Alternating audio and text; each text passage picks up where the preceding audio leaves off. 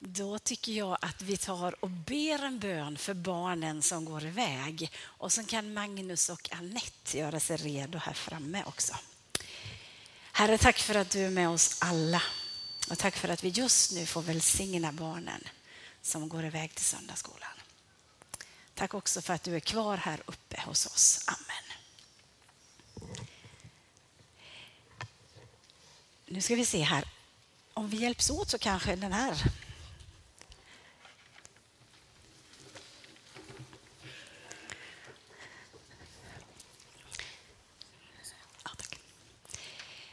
Då ska vi lyssna till dagens bibeltexter. Så varsågoda. Så, nu tror jag ni hör mig va? Så man tar av sig glajjorna med så man kan se något. Medan det, det åt tog Jesus ett bröd, tackade Gud, bröt det och gav åt lärjungarna och sade Tag och ät, detta är min kropp. Och han tog en bägare, tackade Gud och gav åt dem och sade Drick av den alla, detta är mitt blod, förbundsblodet, som blir utgjutet för många till syndernas förlåtelse. Jag säger er, från denna stund ska jag inte dricka av vinstockens frukt förrän den dag jag dricker det nytt med er i min faders rike. I Apostlagärningarna 2, 42 och eh, 46 så står det så här. De höll troget fast vid apostlarnas undervisning och vid gemenskapen, brödsbrytelsen och bönerna. Varje dag var de troget och enigt tillsammans i templet och i hemmen bröt de bröd, delade måltid med varandra i jublande innerlig glädje. Och från första Korintierbrevet 10, verserna 16 till 17. Välsignelsens bägare som vi välsignar, är den inte gemenskap med Kristi blod? Brödet som vi bryter, är det inte gemenskap med Kristi kropp? Eftersom brödet är ett, är vi som är många en enda kropp, för alla får vi del av ett och samma bröd. Eh, och sista texten är från första Korintierbrevet 11, vers 23 till 28. Den natt då Herren Jesus blev förrådd tog han ett bröd, tackade Gud, bröt det och sa Detta är min kropp som blir utgiven för er. Gör detta för att minnas mig. På samma sätt tog han bägaren efter måltiden och sa Denna bägare är det nya förbundet i mitt blod. Så ofta ni dricker av den, gör det för att minnas mig. Så ofta ni äter detta bröd och dricker denna vägare förkunnar ni Herrens död till dess han kommer. Den som äter brödet eller dricker Herrens bägare på ett ovärdigt sätt syndar därför mot Herrens kropp och blod. Var och en ska pröva sig själv och så äta av brödet och dricka av bägaren.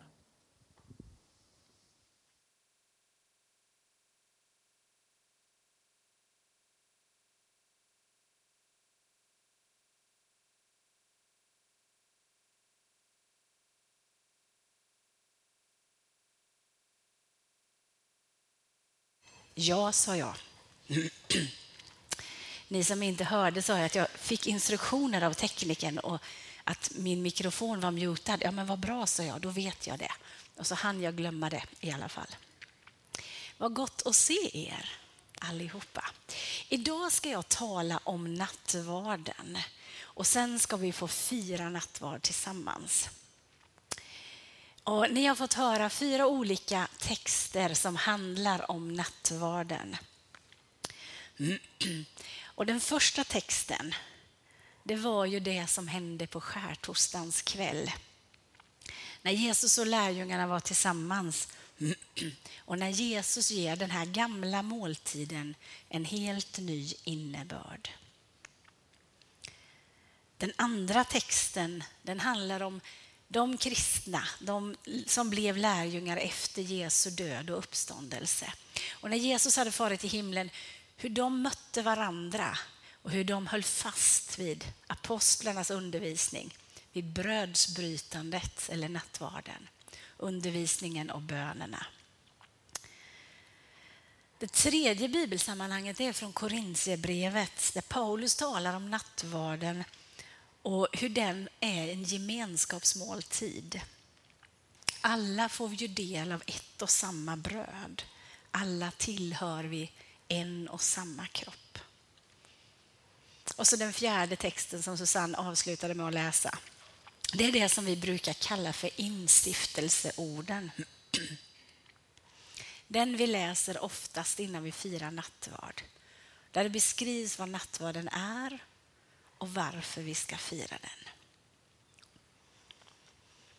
För när Jesus och lärjungarna firade den här nattvarden på skärtorsdagskvällen så var det ju ingenting nytt över den måltiden. Eller i alla fall så tänkte inte lärjungarna att det skulle vara det. Vi kan läsa i evangelierna om att lärjungarna frågade Jesus, var vill du att vi ska göra i ordning? Vad vill du att vi ska fira nattvarden det här året? De får instruktioner vem de ska följa och vart de ska gå och så går de till övre salen.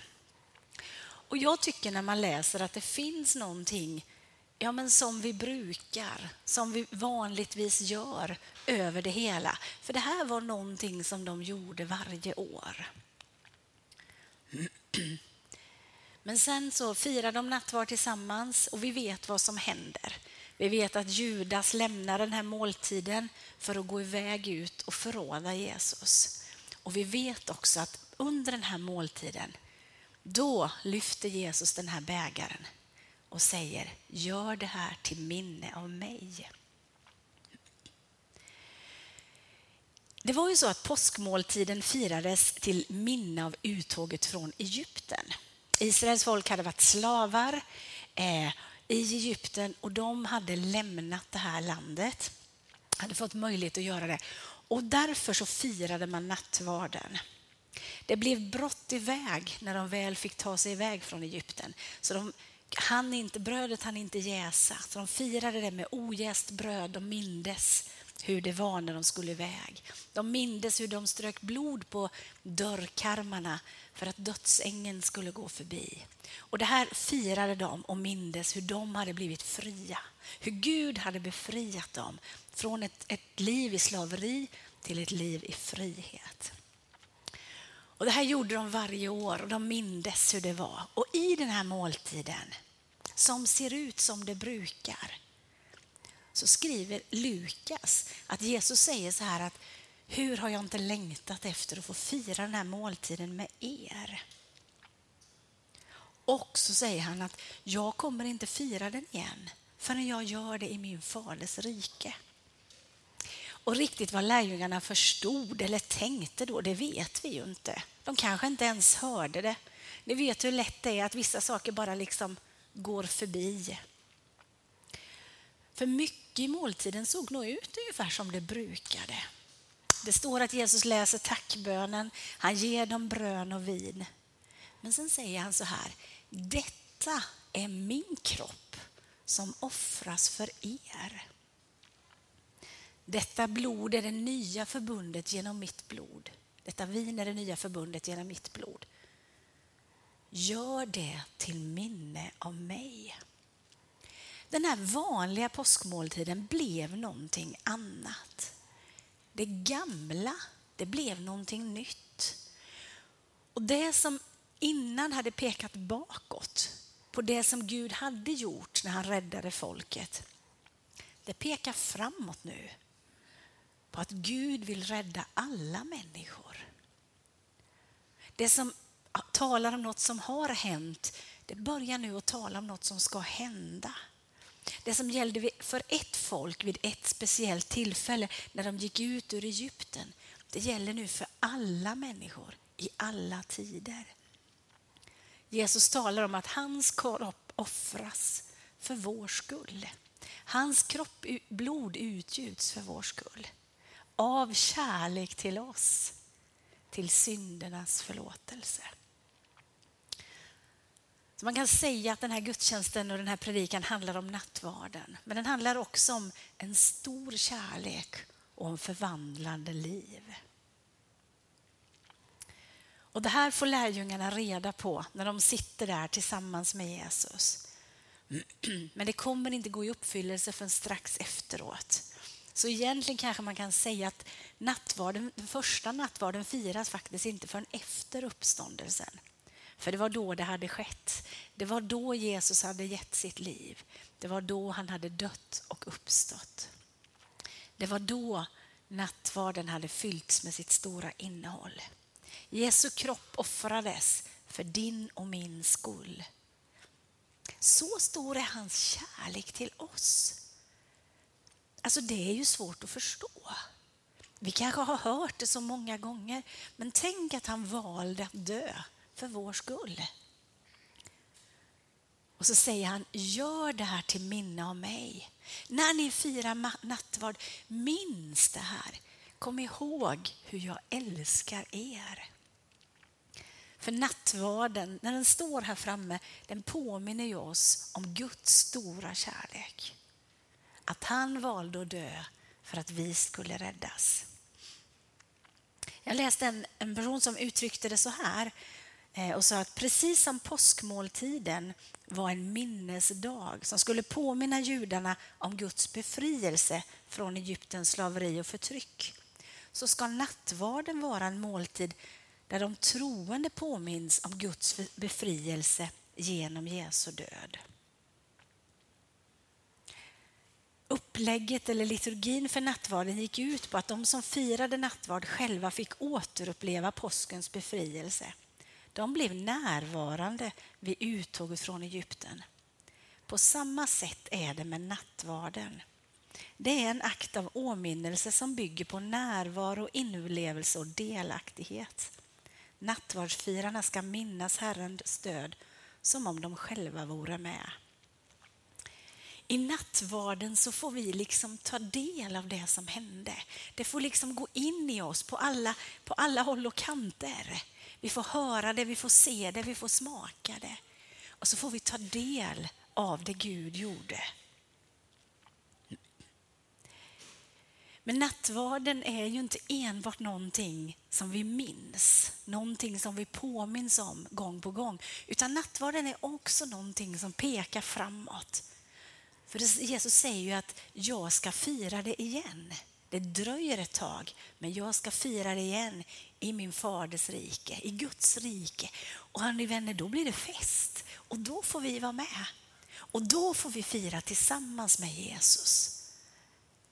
En dag, det är ett framtidshopp. Det dröjer lite till, vi vet inte hur länge, men en dag ska vi få fira måltid med Jesus själv och med alla hans lärjungar. Jesus ska komma tillbaka. Han kommer igen. Nattvard är en minnesmåltid. Det är en framtidsmåltid, en måltid med hopp som kan fylla oss med längtan. Men det är också en måltid att fira nu. För den här dagen, för den här veckan, för nuet, för det som är våran vardag. Det är där nattvarden också är till oss.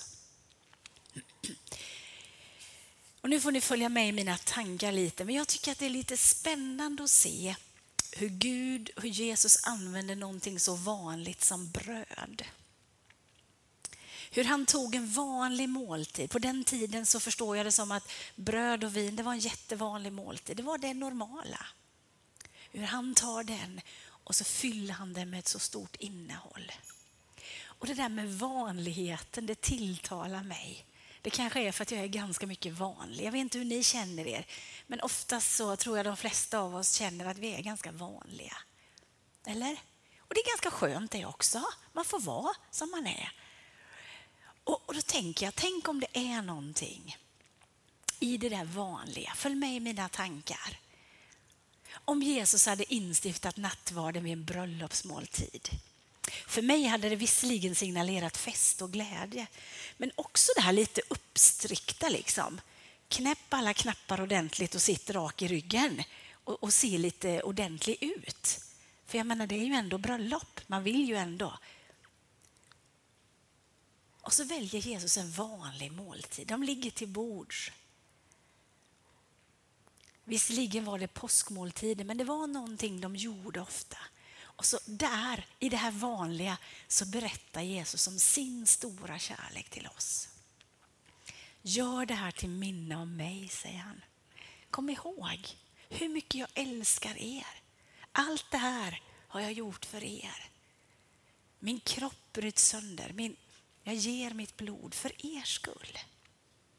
Och kom ihåg att jag kommer tillbaka en dag. Hämta kraft från det här.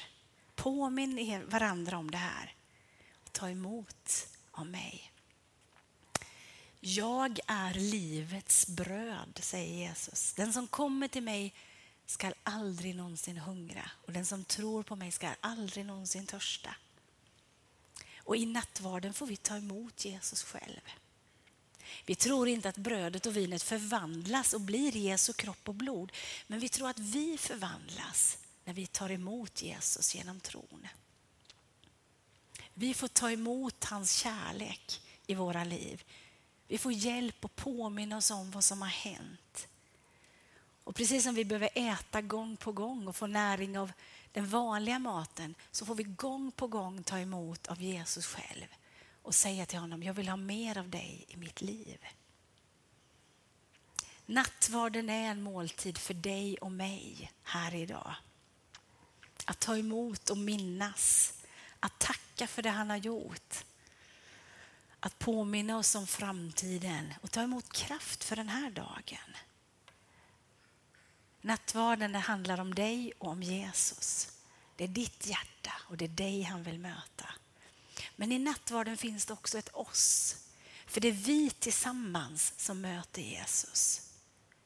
Ty liksom kroppen är en och har många delar och alla de många kroppsdelarna bildar en enda kropp, så är det också med Kristus. Ni utgör Kristi kropp och är var för sig delar av den. Och nattvarden så står det att eftersom brödet är ett enda är vi, fast många, en enda kropp. Alla får vi del av ett och samma bröd. Vi är tillsammans och det är Jesus själv som möter oss. I, I nattvarden finns en samhörighet och en gemenskap. Att alla är vi inbjudna av nåd. Ingen av oss kommer liksom på grund av någon egen duktighet. Ingen behöver knäppa och rätta till sig och sådär. Utan vi får vara de vi är. För det är oss Jesus älskar. Det är oss han har dött för. Och det är våra synder som han säger, jag har betalt priset. Vi hör ihop med varandra och vi hör ihop med Jesus. För de första kristna så var nattvarden viktig och gemenskapen med varandra. Det står att de, de möttes i hemmen och i templet. De bröt bö, brödet och de deltog i undervisning och i bön. Det handlar om dig, det handlar om oss, men det handlar också om andra. Peter var inne på det förra veckans predikan, detta med andra. Det står om nattvarden att i den så förkunnar vi alltså Herrens död till dess han kommer. Ja, vad var det Herrens död och uppståndelse handlar om? Varför dog Jesus?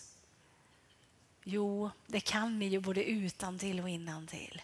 Så älskade Gud världen att han gav den sin enda son för att de som tror på honom inte ska gå under utan ha evigt liv.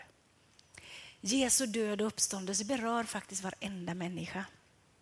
Och därför, när vi tar emot nattvarden, du och jag, när vi gör det tillsammans, så fylls vi också av kärlek till andra.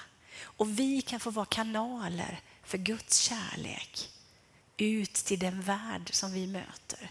Både den som möter oss nära och den som möter oss längre bort. Du har ett eget val att ta emot Jesus. Vi har ett gemensamt, att vi gör det här tillsammans. Och Det handlar också om dem som inte har sett Guds kärlek än, som kanske aldrig har mött den. Jesu kropp för dig utgiven, Jesu blod för dig utgjutet. Nu ska vi få lyssna till en sång och sen ska vi be tillsammans och fira nattvard.